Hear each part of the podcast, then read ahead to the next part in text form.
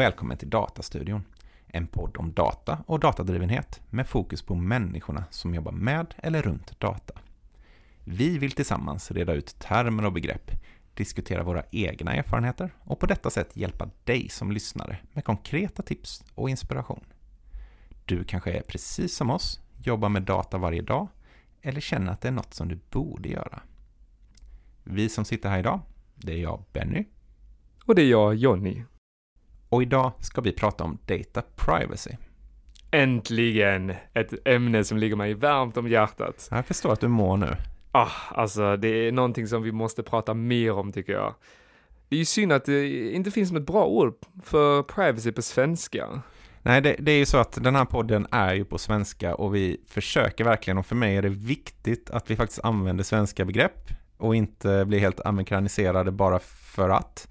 Men i det här fallet så är jag villig att göra ett undantag. Det är ju så att det vedertagna begreppet, vad var det? Eh, integritet, dataintegritet, är det väl det som det mm. brukar översättas till i lagtext och så om jag har förstått det hela rätt. Och, och det är på viss del rätt, men samtidigt så är integritet träffar inte riktigt och då finns det rekommendationer om att man då ska prata om datasekretess. Men det känner jag direkt när vi säger sekretess så tänker jag på massa andra saker så det kommer bara kännas vi, vi säger helt enkelt det vi kommer säga både innan och efter podden, under podden, det vill säga data privacy. Data privacy, precis. Men en viktigare fråga för dig som lyssnar är kanske varför ska vi prata om data privacy? Varför ska vi prata om det här Johnny? Varför har du längtat efter att få prata om det här?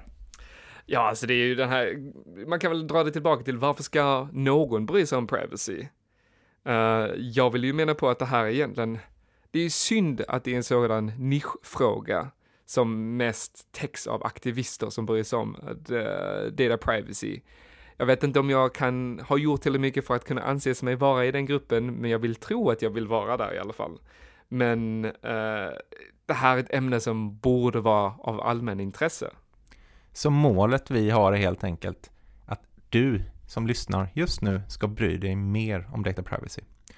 Och det inkluderar även mig, Benny, som pratar. För jag känner att jag borde nog bry mig lite mer. Och där känner jag att jag har inte gjort mitt jobb väl nog. Jag pratar inte om det tillräckligt mycket med dig då, Benny. Nu har du chansen. Då kör vi. En liten disclaimer till.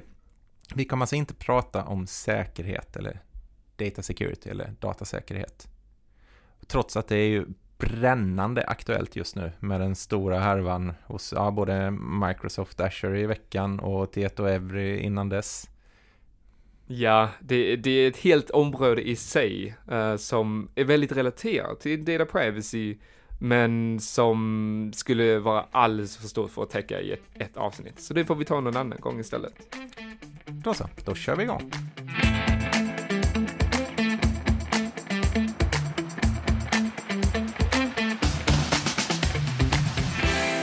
Data privacy, varför ska jag alltså bry mig? Och det är ju lätt att tänka så här, jag har ju rent mjöl i påsen. Jag har ingenting att dölja, samla in min data, det gör väl ingenting. Alltså det, det är så synd att det är uh, så enkelt att, uh, att uh, lägga det på det sättet.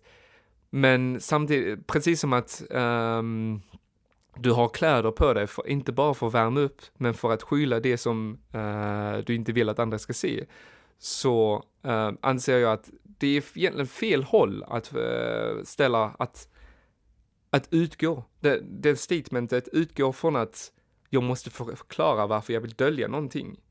Men jag vill att man ska vända på det istället och säga, varför ska du ens få se det, eh, få veta vad jag har i min påse? Så om jag hör dig rätt, du menar att egentligen så bryr jag mig redan. Och om någon vill ha min data så borde de informera mig om att hej Benny, nu tänkte vi samla in lite data här om dig. Är du okej okay med det? Snarare än att nu är det tvärtom, att jag nästan förväntas förstå vad som samlas in. Men jag, eh, hänger jag med? Ja, alltså det, det, är väl en förlängning av det jag försöker säga, att eh, man, man sällan inser vad man har tappat eh, eller har gett med sig. Att eh, de får börja med att samla in, sin, eh, samla in datan om dig och sen får du säga nej, sluta samla in datan om mig. Och det borde inte vara så. Man borde säga ja. Man borde säga ja, du får samla in den här datan för att du kommer ge mig någonting som är värt priset så att säga. Och även det här eh, finns väl lite problematiskt i hur jag eh, förenklar det här. Men vi kommer säkert till det sen. Troligen. Och eh, för några år sedan så var ju den här eh, dokumentären på Netflix populär om eh, social media som eh, The Social Dilemma eller vad den hette. Ja, precis ja. Där det för väldigt många för första gången kom lite som en tankeställare att vänta lite här nu. Gratistjänster tjänar ju även pengar på något sätt. Och då kommer den här klassiska one-linern lite pokerinspirerad från Rounders. Men i det här fallet om du, hur var det nu? Om du inte betalar för produkten. Är du produkten? Och det är, det, det är lätt att glömma bort i det. Eh, innan, vi, innan jag går in på var, varför det är, alltså, det är viktigt att komma ihåg. Så ska man inte glömma att bara för att du betalar för produkten betyder inte det att du inte också kan vara produkten. Det är ju såklart sant också. Men eh, man kan ju börja med eh, åtminstone att om gigantiska stora företag är villiga att erbjuda saker gratis till dig så finns det ju åtminstone ett värde i den här datan. Ja, precis. Datan ger ju i förlängningen makt över eh, antingen både dig och befolkning och land eh, om man verkligen eh, drar det vidare beroende på hur mängden data det handlar om. Och på vilket sätt kan den här makten utkristallisera sig. Men vi har ju det här konkreta caset med, jag tror Social, Dilemma nämnde det med eh, Cambridge Analytica, där de eh, sög ut data från Facebook och genom den här eh, Facebook-datan de hade, som är ändå rätt så personlig data folk delar med sig det, det mesta, eller det gjorde de i alla fall förr, eh, på Facebook, eh, så kunde de, har det visat sig, eh, påverka både valet eh, kring Brexit, men också valet i det amerikanska valet 2016 där eh, Donald Trump blev vald till president. Eh, så man ska inte underskatta vad den här typen av data kan göra.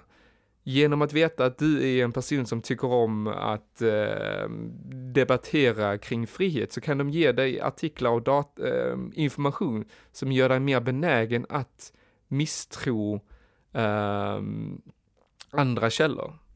Och här kommer man ju också tillbaka till eh, diskrepansen mellan att jag tror de flesta Facebook-användare inte signade upp för att den här datan skulle kunna användas som ett liksom, politiskt analysverktyg för att kunna ge riktade kampanjer, utan man tänkte väl att Facebook har väl min data för att kunna göra Facebook bättre så att det blir bättre för mig.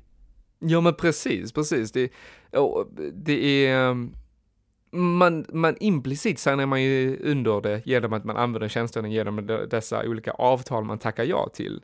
Men det är ju, det är ju designat för att du aldrig ska läsa igenom det här. Eh, vem är det som någonsin har läst igenom hela kontraktet de säger ja till? Det är nog försvinnande få som har läst igenom alla kontrakt de skriver under när de använder mjukvara. Det tror jag också.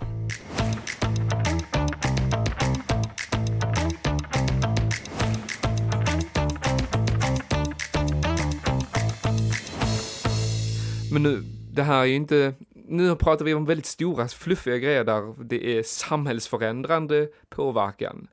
Uh, men man får inte glömma att den här datan används ju också i till exempel marknadsföringssyfte som påverkar dig som individ direkt. Um, med den här datan så har du möjlighet att påverka vad du köper, hur mycket du köper av grejer, få dig att mer känna eh, allmänt om reklam. Jag tror de flesta vet om eh, hur reklam, att det påverkar en och hur eh, det används i samhället så att säga. Och man kanske inte alltid inser hur mycket det påverkar ens identitet till exempel. Det, vilka band du gillar, vilka kläder du köper, vilka kändisar du följer. Det är väldigt mycket bestämt av vad du får reda, vad, vilken information du får från medieföretag, från social media, från alla dessa algoritmer som bygger på att de vet någonting, har data om dig. Och det är väl lite det som är den stora skillnaden är applikationen när man har möjlighet med algoritmer att utforma någonting som är skräddarsytt just för dig. Mm. Eh, traditionellt så har man gjort den här typen av marknadsanalyser och sen försökt, man skjuter med hagelbössan i vår målgrupp och så har man ganska bred träffbild. Eh, vilket i det här fallet kan vara lite tilltalande då, men om någon vet exakt vad jag går igång på, ja, som vi vet, det är därför det är många som har problem med att eh, sluta kanske sitta och scrolla i diverse olika sociala medier, men det är inte det enda man använder datan till. Och det är väl lite det som är poängen, att det är inte bara så enkelt som att eh, produktanvändandet samlas in för att göra produkten bättre och göra mig mer committed till den produkten, utan datan i sig kombineras med annan data för att skapa en bild av vem jag är. Precis, precis. Och det är, det finns ju en poäng, det finns en anledning till att uh, företag så stora som Google och Facebook och alla, egentligen alla för, techföretag så gärna vill samla in data om dig. Att de lägger så mycket mankraft och designkapacitet på att försöka behålla dig i systemet så länge som möjligt så att de kan fortsätta samla in data om dig. Och när man håller på med produktutveckling så pratar man ju hela tiden om att användare, det vill säga kunder, vill ha en personaliserad upplevelse. Ja, det är ju lite av en motsägelse mot, um, mot privacy. Um, men det, det, man brukar oftast prata om att uh, till exempel nu med AI uh, eh, med att de behöver da mer data för att kunna göra AI bättre. Du som lyssnar kanske har använt ChatGPT tidigare och tycker att det är otroligt uh, användbart, coolt, um, men den bygger ju på så otroligt mycket mängd data som har samlats in och inte alltid lagligt. Ja, vi kommer till lager lite senare sen också tänker jag. Mm. Um, men det här kan man relatera till. Vi samlar in data så att vi kan påverka dig till att gilla grejer och köpa grejer.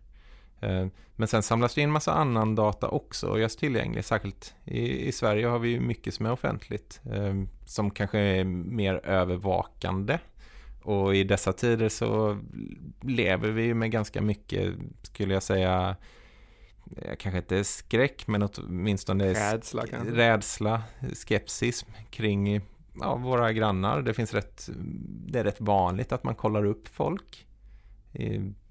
Jag, det var ett tag sedan jag var i datingvärlden, men jag, det finns eh, väldigt mycket, det som man kanske förr behöver liksom privatdetektiver till, är nu bara några knapptryckningar bort. Mm. Det, och det, det, det formar ju samhället egentligen. Alltså accessen till data, för, inte bara för företagen men för oss individer, formar ju också ett samhälle där man, uh, ju mer, alltså data man kanske inte alltid vill att andra ska veta, kan nu folk mycket lättare komma åt. Uh, vilket påverkar både ens möjligheter i samhället, men också samhällsstruktur om man, om man får kasta ett så stort ord. Ja, man får kasta vad man vill här, tänker jag. Men, eh, och, och, och, det som vi ser nu kanske är då möjligheten att eh, det kanske finns en trygghet för dig som eh, lyssnar. Att ja, men det är väl skönt att jag kan kolla upp Jonny här. Är han en reko person? Oh, nej. Men det kommer ju till en kostnad. Det är för då Jonny. Framförallt om den här datan kanske inte ger den sanna bilden av Jonny. Hade varit väldigt tråkigt om den inte ger den sanna bilden. Uh, och, och det är väl uh, till viss del, jag vet att du ibland pratar också om är du den du är, det vill säga om du vet om att du är övervakad, hur beter du dig då i förhållande till om du inte vet om det? Precis, det, man tänker kanske inte alltid på det här med datainsamlingen, uh, både till exempel om det är kameror ute på gatorna, men också när du surfar på webben så att säga uh, hur mycket folk vet om, hur mycket företag vet om det. det de har inte, uh, rent praktiskt så är det inte någon som står bakom axeln på det och tittar på vad du, uh, så, vad heter det, går runt, uh, surfar under, det låter så uråldrigt, men surfar under på här, internet. Men det är ju egentligen någon som ser det. Och medvetenheten kanske gör att man vad heter det, mm, beter sig annorlunda. Mm. Det är nog inte många som tänker på det. Att så mycket, så pass många företag får reda på vad du gör på internet. och det är lätt att tänka sig lite framtida scenarion eh, då man kanske sätter det i system att liksom använda den här datan till att klassificera eh, ja, om vi nu kollar upp våra grannar innan man köper hus och så där. börja kolla upp eh, ska min dotter leka med den här personen få, få en liten rekommendation är det en bra lekkamrat eller inte det finns många Ja, ja, och det här kan ju säljas in som personalise personalisering. Mm. Att din dotter är den här typen av person, passar de då att leka med den andra personen? Uh, givet, och det, det blir nästan lite så här horoskopkänsla för jag nu när jag, tänker, när jag, när jag pratar om det. Att det, men att det då är byggt på data och därmed är det korrekt. Men man ska inte glömma bort att data är ju egentligen bara en representation, det är en modell av dig. Men mm. det kan aldrig berätta exakt vem det är. Och för att summera hela det här eh, avdelningen så att säga. Man kan göra väldigt mycket med datan. Och man gör det redan idag och vi har sett exempel. Så att det är inte så enkelt som att datan samlas in och därför blir din upplevelse i just det insamlandet lite bättre för dig. Mm. Du, du, bara för att eh, produkten är gratis betyder inte det att du har, att du inte har förlorat någonting, så att säga. Och det vi vill komma till är att du måste vara medveten om vad det är du ger. Mm. Och grundtesen egentligen som du kommer med att hade jag då, som borde bry mig mer, varit mer medveten om vad jag ger av mig själv, så hade jag egentligen instinktivt sagt nej. Ja, alltså för att ge ett väldigt konkret case, uh, nu är det nu säkert över tio år sedan, men det är väldigt välkänt inom privacyvärlden där ett företag eh, som heter Target i USA, eh, som är en stor, eh, vad heter det, varuhandelskedja, ehm, där de eh, redan ja, över tio år sedan började samla in, eh, eller eh, analysera datan de har för vad för um, varor de säljer till folk och försökte prediktera, eh, förutsäga vilka kvinnor som var gravida och de kom så pass väl, eh, de blev så bra på det att de kunde eh, förutsäga vilken vecka någon var i, i sin graviditet. Och därmed kunde de börja skicka ut kuponger och eh, rabatt, ja, rabattkuponger till folk i, i förhoppningen om att de skulle börja köpa hos dem. För det är en grej som forskningen har visat på att eh, en av tidpunkterna i livet där man gärna byter vad man köper och grejer just när man ska få barn. Ett bra tillfälle att rekrytera kunder. Precis, så där gjorde de det jättegärna.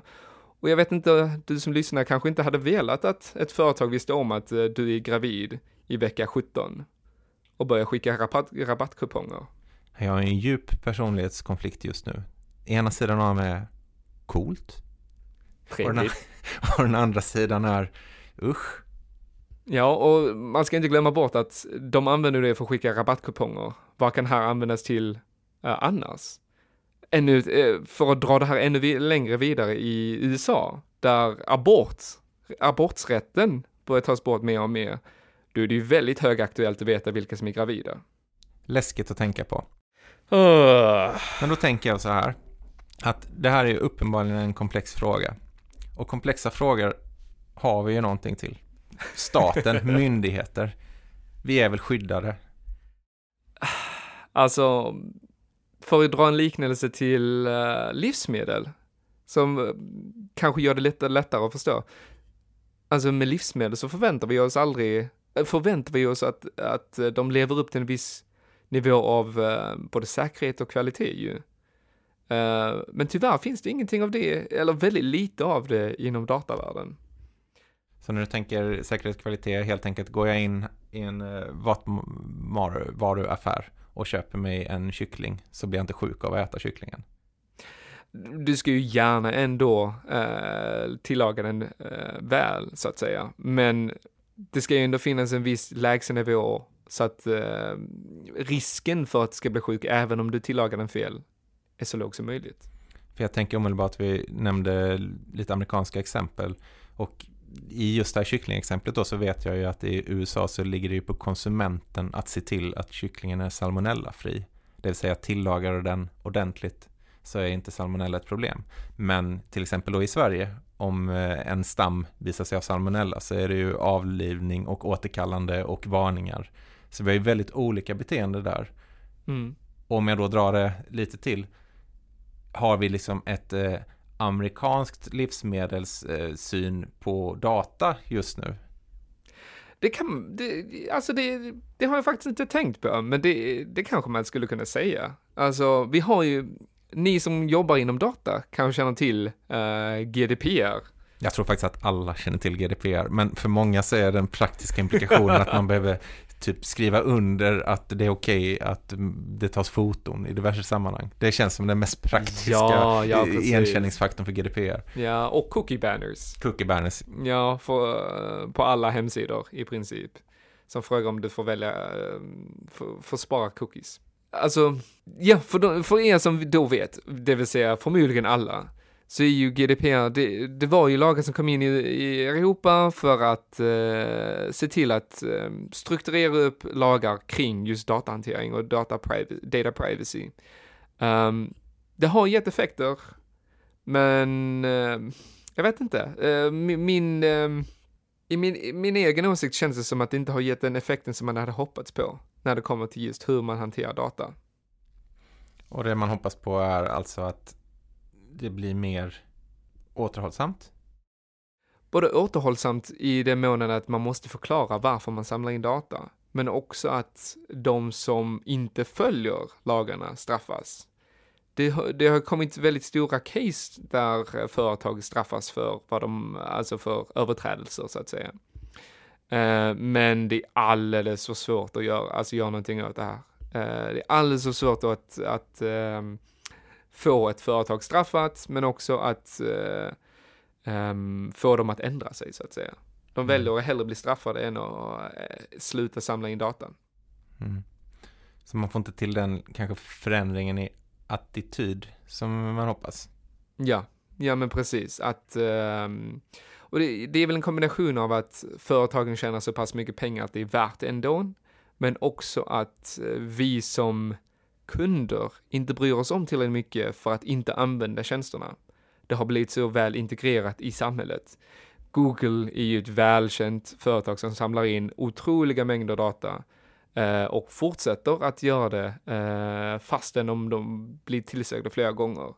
Eh, men det är för att, alltså, folk fortsätter ju ändå använda deras produkter. De förlorar ju ingenting på att eh, bara ta straffen så att säga. Och där kommer det ju då återigen vissa exempel. I vissa länder så Google blir, ja man ser på det lite annorlunda. Vi kan ju, Kina är ju inte Google alls acceptabelt i. Det kanske inte är just av eh, att beskydda medborgarnas rättigheter utan något annat. Men vi har kanske Österrike kanske är det tydligaste exemplet i Europa. Vad tänker du på då menar du? Eh, att de väljer att eh, bevaka eh, sina medborgares rätt till att sin data mycket hårdare helt enkelt. Att man liksom går i bräschen för eh, att tolka GDPR eller kanske rent av omformulera GDPR mycket tydligare och mycket mm. snävare. Ja, precis. Det, de har ju varit en av länderna som har varit hårdast med att försöka eh, upprätthålla GDPR-lagarna. Men även då så har det i det stora hela varit rätt så små summor när man tittar på hur stort Google är, hur mycket de pengar mm. de tjänar på människorna och, och datan. Mm. Det blir en sån här en praktisk implikation och det kanske beror på bransch är ju att man då inte får använda Google Analytics i Österrike. det... är väl många företag som har den diskussionen Precis. Eh, huruvida man ska använda det för att man inte vill riskera. Och där kommer ju, det blir som alltid den här konflikten för att när man jobbar inom teknik så vill man ju ofta vara progressiv. Mm. Och därför så är allting som är liksom som rör säkerhet och sånt, det är lätt att det blir liksom någon sorts konservativ, konservativt tänk. Men det är det som jag försöker liksom ändra i mitt huvud. Att integritet då, eller privacy, behöver inte nödvändigtvis handla om att vara progressiv eller konservativ. Utan mm. det handlar mer om en djupare, liksom, ja, mer eller mindre ja, ett värde liksom. Att det är en del av, ja, kan vi gå så långt som att kalla det mänskliga rättigheter?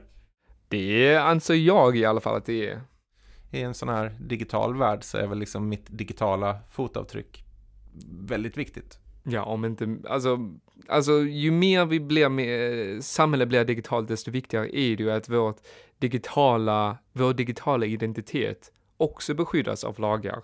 På samma sätt som vår, eh, vad ska man säga, fysiska identitet eh, beskyddas.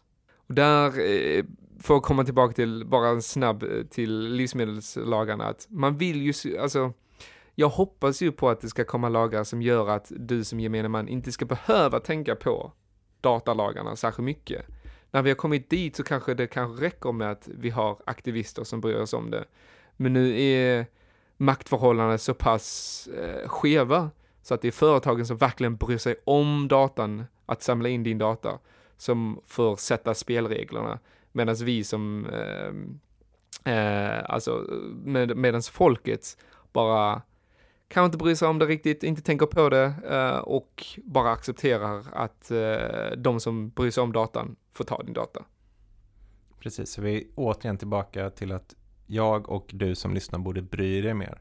Även om vi i slutändan tror att det kanske är på en högre instans som man behöver skydda oss. Att det kanske inte ska tillfalla, det är inte, kanske inte individansvar att se till att folk inte tar din data.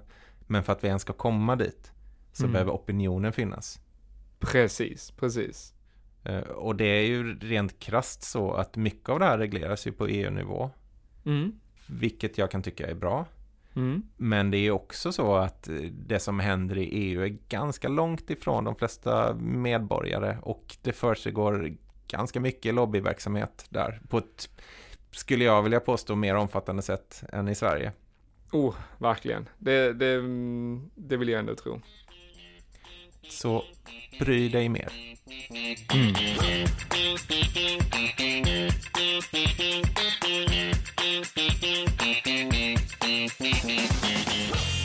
Så vad har vi egentligen sagt? Eh, vi har sagt att på sikt så är det här någonting för samhället att eh, agera på. Och för att nå dit så behöver vi alla bry oss mer, skapa opinion. Precis, att nästa gång du klickar på den här cookie-bannern och accepterar, eller kanske till och med nekar allt, att du reflekterar över vad, vad det inne, innebär. Och uh, nästa gång du använder en Google-produkt, eller om du delar med dig av data till ett annat företag, att man kanske tänker efter vad det betyder. Så helt enkelt, om jag och du som lyssnar efter bara reflekterar så kommer det skapa eh, medvetenhet som, alltså bara genom att ha reflekterat så har du, skapar man en medvetenhet som eh, förhoppningsvis växer och eh, gör en skillnad i samhället. Men Jonny, medvetenhet i all ära. Jag är lite mer otålig än så. Finns det inte något jag kan göra nu direkt? jo, jo. Uh, det finns mycket man kan göra uh, här i stunden för att, i alla fall på, för sig själv, um, vad ska man kalla det, förbättra sin data privacy så att säga, minska hur mycket data som eh, samlas in av uh, företag. Um, den andra, allra enklaste är kanske att börja tänka på vilken browser du använder. Det är ju genom den som du uh, når i princip all, alla hemsidor. Det är nog kanske många som använder Google Chrome. Det är ju tyvärr den som är den mest populära uh, webbrowsern i hela världen. Och jag menar på att eftersom att den är utvecklad till största del av Google så, och det är redan vedertaget, man vet, är väldigt väl medveten om att de bygger in grejer för att kunna samla in mer data. Skulle jag rekommendera att man byter browser. Ett tips är eh, Brave, om man vill fortsätta i Chrome-stilen. Den är i princip nästan exakt likadan. Fast med mycket mer men samlar inte in lika mycket data, eller samlar i princip ingen data och skyddar dig på eh, hemsidorna du surfar på. Och det låter ju bra, men nu, nu, måste jag flika in här. Jag minns när jag satt med en Windows-burk och någon lurade mig till att installera Unix. Det är precis lika bra, bara bättre. Är Brave bra? Kan du voucha för att jag, jag kommer inte bli besviken om jag hoppar över till Brave? Jag vouchar. Jag kan nästan helt garanterat, du, du kommer knappt märka skillnaden. Och de få instanserna där du märker det, då kan man också stänga av skyddet. För skyddet leder ju också till att vissa funktioner ibland på vissa hemsidor inte fungerar. Men det, då kan man aktivt göra det beslutet istället för att det by default är öppet.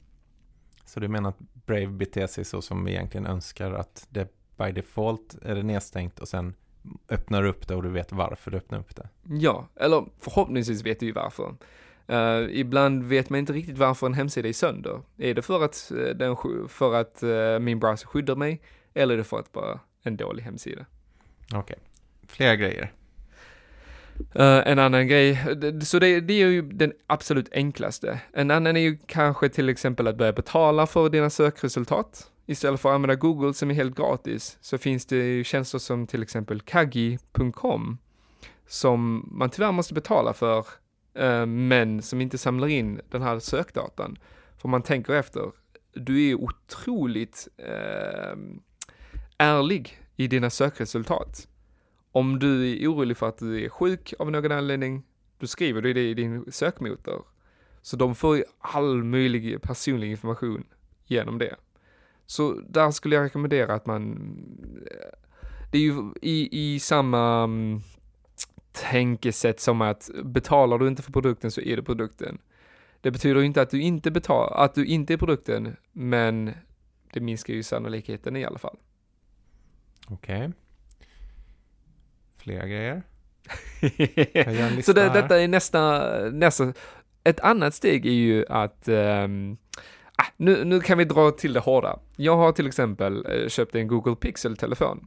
Men istället för att använda Android på den så har jag hackat den och installerar ett annat eh, operativsystem på min telefon som heter Graphene OS.